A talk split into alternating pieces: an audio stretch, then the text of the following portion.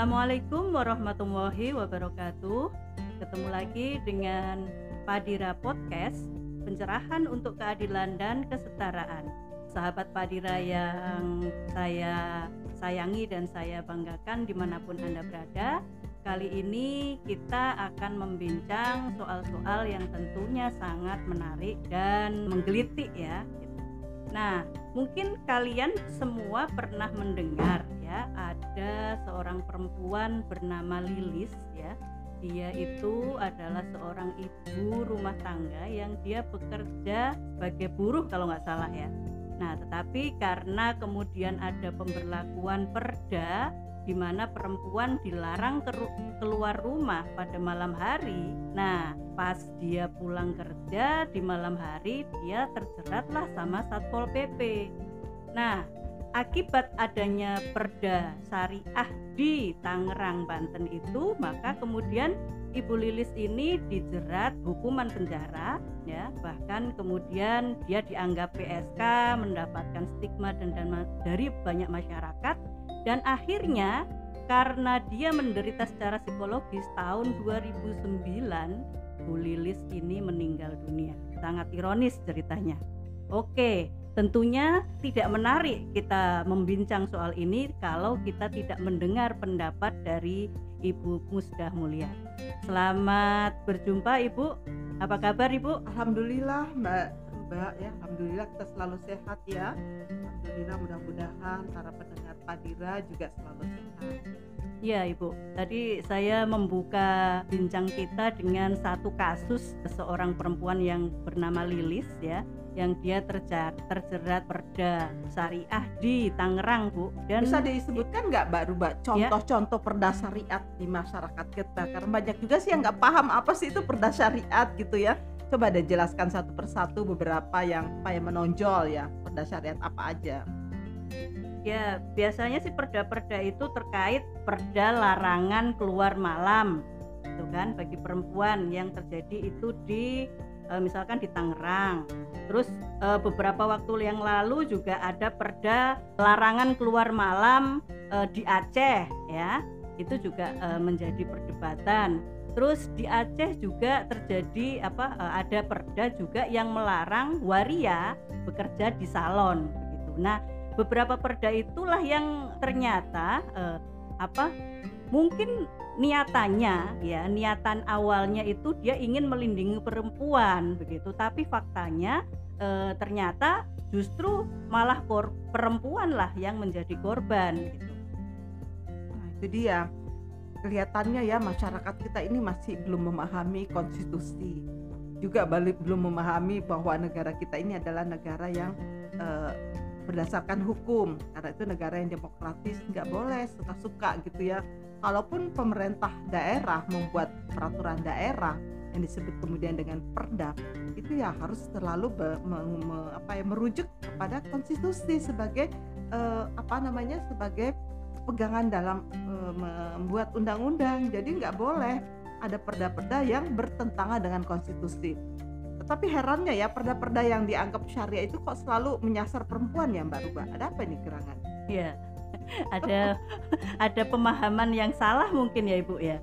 Dianggap bahwa perempuan itu penyebab masalah mungkin ya. Sehingga kemudian perempuan harus diatur mungkin itu uh, ininya tapi uh, menurut ibu gimana itu maksudnya Bu? diatur atau dikekang, dikekang karena kalau saya membaca aturan-aturan yang menyangkut uh, perda yang dikatakan perda syariah sebetulnya hmm. sih bukan perda syariah ya hmm. kalau kita menyebutnya adalah perda-perda inkonstitusional hmm. karena perda-perda ini bertentangan dengan konstitusi kita yang harus menjadi pedoman ya acuan di dalam membuat undang-undang nah ini loh penting semua kita ketahui ya teman-teman Padira ya sahabat-sahabat Padira semuanya bahwa Indonesia itu adalah negara yang demokratis, punya konstitusi.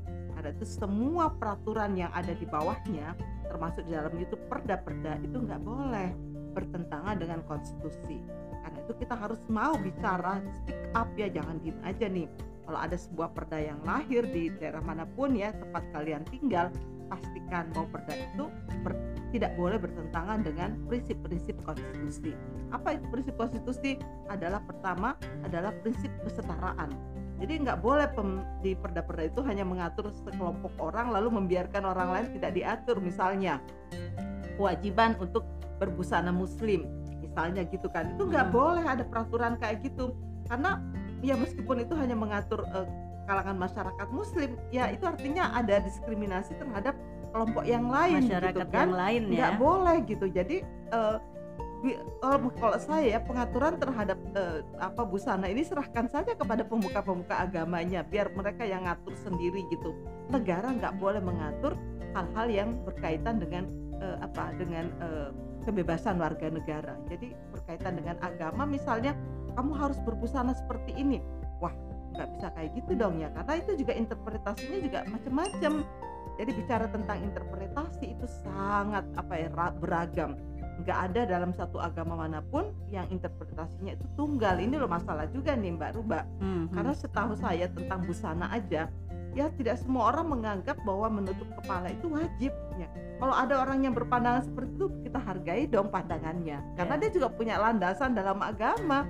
Jadi kalau kamu menganggap bahwa menutup kepala itu wajib, ya kamu aja yang pakai ya. Nggak usah paksa Hmm, ke orang lain kan? orang gitu lain ya, itulah Bu, cara ya. kita beragama yang benar. Ya. Karena terus terang aja ya bicara tentang busana. Mana busana yang betul-betul islami? Itu kan pandangan umat Islam aja sangat eh, beragam, beragam ya. Nah, misalnya kayak kalau saya datang ke Afghanistan saya melihat bahwa perempuan-perempuan di Taliban sana ya itu harus menggunakan burqa. Apa Hmm. itu burqa?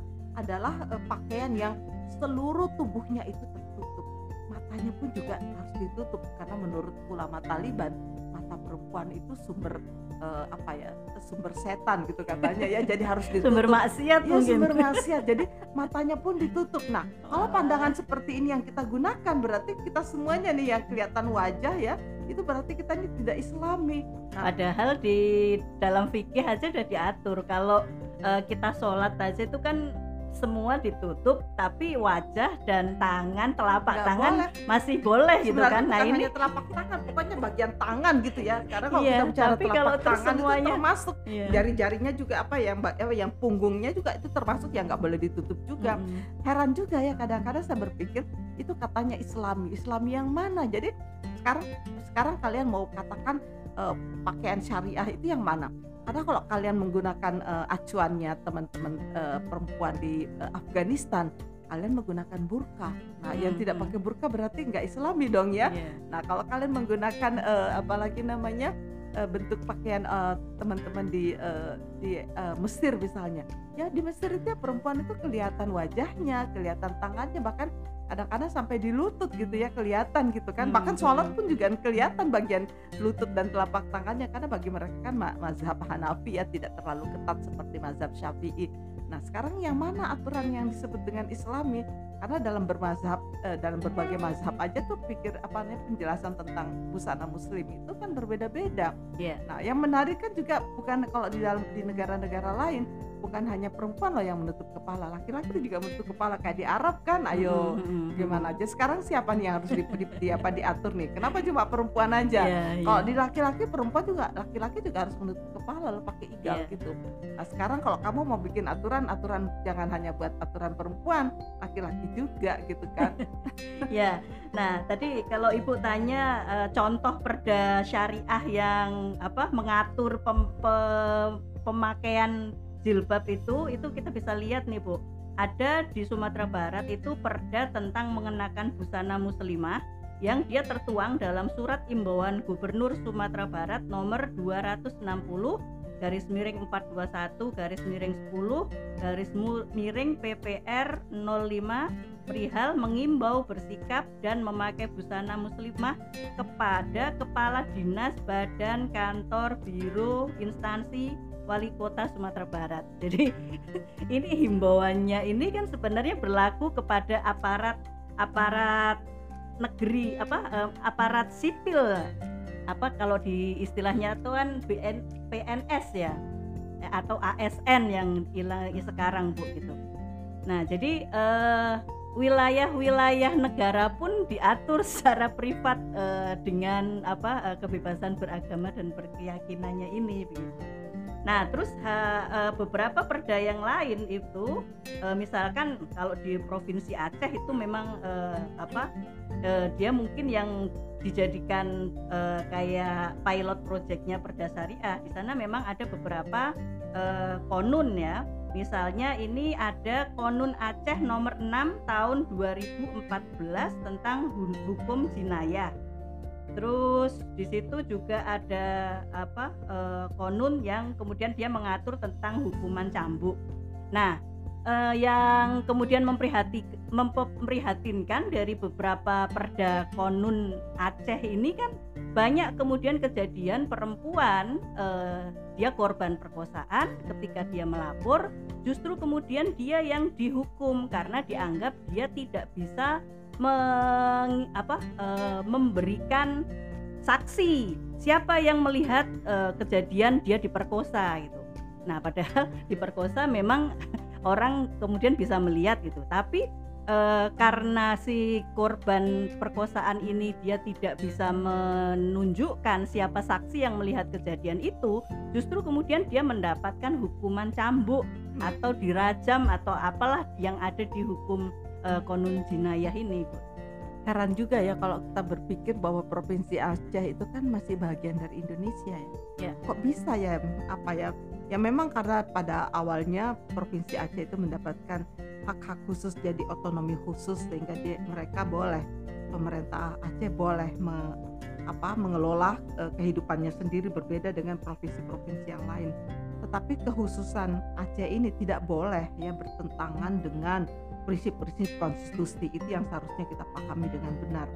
Nah, kalau saya melihat bahwa kalaupun Aceh ingin membuat aturan-aturan yang sangat rigid seperti itu, sebenarnya negara boleh mengintervensi kehidupan warga negara, tetapi intervensi itu dalam konteks memberikan perlindungan, hmm. proteksi. Nah, ini loh. Jadi negara itu boleh mengatur kehidupan warga negaranya, tetapi ketika negara melakukan pengaturan melakukan intervensi terhadap kehidupan warga negara harus dipastikan bahwa itu dalam konteks perlindungan. Tetapi kalau yang terjadi ini bukannya perlindungan tapi mengekang ya, karena itu yeah. mengekang kehidupan warga negara itu juga bertentangan dengan prinsip-prinsip demokrasi di mana setiap warga itu punya hak dong untuk mengekspresikan pandangannya, untuk mengekspresikan keyakinannya. Kalau seseorang itu keyakinannya, misalnya ada ada warga negara nih, keyakinan saya perempuan itu nggak wajib pakai uh, jilbab misalnya loh itu harus dihargai dia nggak boleh dia dipaksakan jadi kalau jadi karena itu pemerintah nggak boleh menggunakan interpretasi agama tertentu untuk mewajibkan ke semua orang.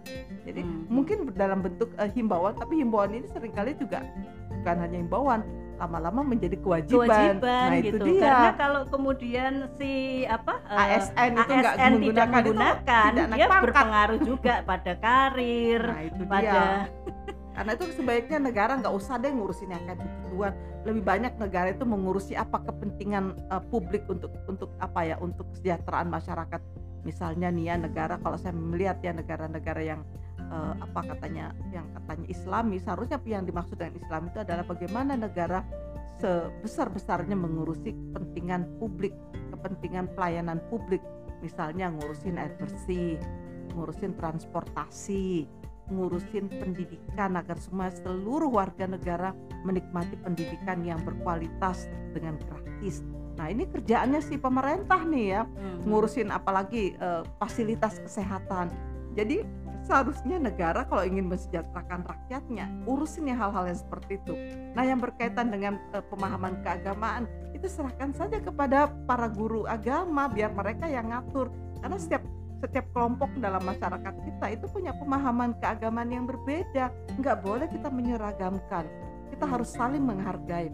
Kalau ada yang mengatakan bahwa pakai cadar itu adalah wajib silakan monggo tetapi pakailah untuk dirimu. Kamu nggak boleh dong maksain orang lain bahwa ini seperti ini. Ya wajib seperti ini loh. Nggak bisa kayak gitu dong.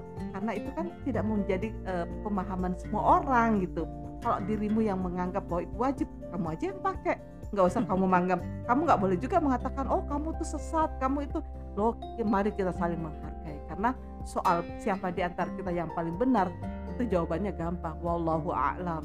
Yeah uh, mungkin kalau kita bicara kembali tentang perda-perda syariah sebenarnya uh, dulu kita pernah punya harapan kepada Kemendagri Bu ketika Pak Cahyo Kumolo saat itu pernah uh, sempat menyinggung gitu kan bahwa perda-perda syariah ini dianggap inkonstitusional gitu kan sehingga dia perlu diatur gitu. Cuman uh, kemudian nggak ada kelanjutannya. Nah ini yang kemudian akhirnya juga menjadi PR kita. Nah, ini masalahnya yang masalah yang sangat krusial nih Mbak Ruba karena pemerintah kita nggak serius ya. Nggak hmm. serius menata kehidupan masyarakat kita. Jadi membiarkan pembiaran seperti inilah yang menimbulkan keresahan di berbagai tempat. Ya. Karena itu marilah ya kita mengadvokasi mendorong nih pemerintah untuk tegas melaksanakan apa hukum. Jadi kalau misalnya itu bertentangan dengan konstitusi ya jangan dibiarkan gitu. Hmm. karena pembiaran yang satu ini akan merembet kepada yang lain. Karena itu sekarang udah muncul nih ya sekitar 700 mungkin ya terakhir iya, dari terakhir 700 perda-perda yang bernuansa syariah syariah katanya. iya. yang katanya tapi kadang-kadang begini juga sih Mbak Ruba.